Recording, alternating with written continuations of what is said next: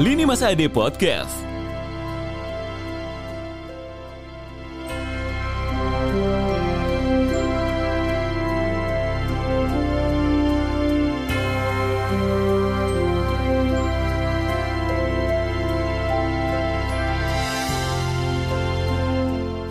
Go up and never stop.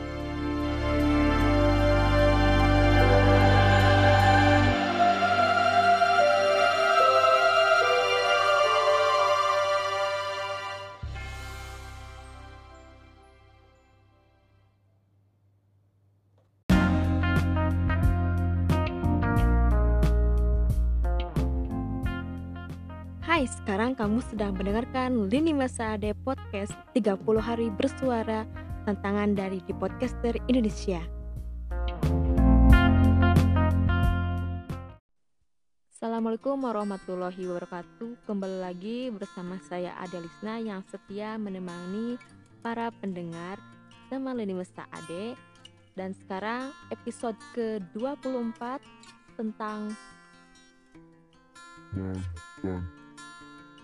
Aku mau bahas yang lain nih, asal usul kata mantan. Asal usul munculnya istilah sapaan mantan itu sering kita dengar, lebih tepatnya para pemuda-pemudi yang tidak perlu lagi menjelaskan sesuatu kata itu. Secara otomatis diperkirakan mereka akan mengarah ke mantan pasangan, walaupun istilahnya itu banyak.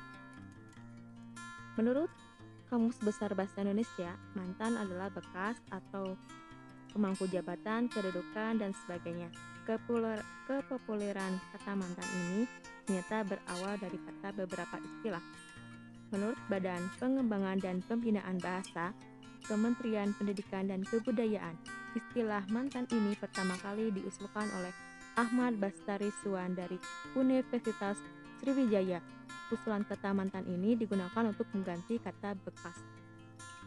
Hal itu dikarenakan kata bekas dianggap kurang pantas dan seolah seperti bernilai, rendah. Maka dari itu melalui majalah pembinaan bahasa Indonesia itu diusulkanlah kata mantan. Kata tersebut merupakan kata yang berasal dari bahasa Basema, Komening, Rejang. Kata mantan memiliki makna tidak berfungsi lagi seperti contoh berikut. Selain itu, kata mantan dalam bahasa Jawa juga memiliki makna yang bertalian dengan mari dan mantun. Kata tersebut diambil dari kata bahasa Jawa kuno yang memiliki makna berhenti. Kata mantan itu mengerikan kata bekas yang menjadi inti rasa makna peletakannya sesuai dengan hukum kata bekas, yaitu DM diterangkan menerangkan.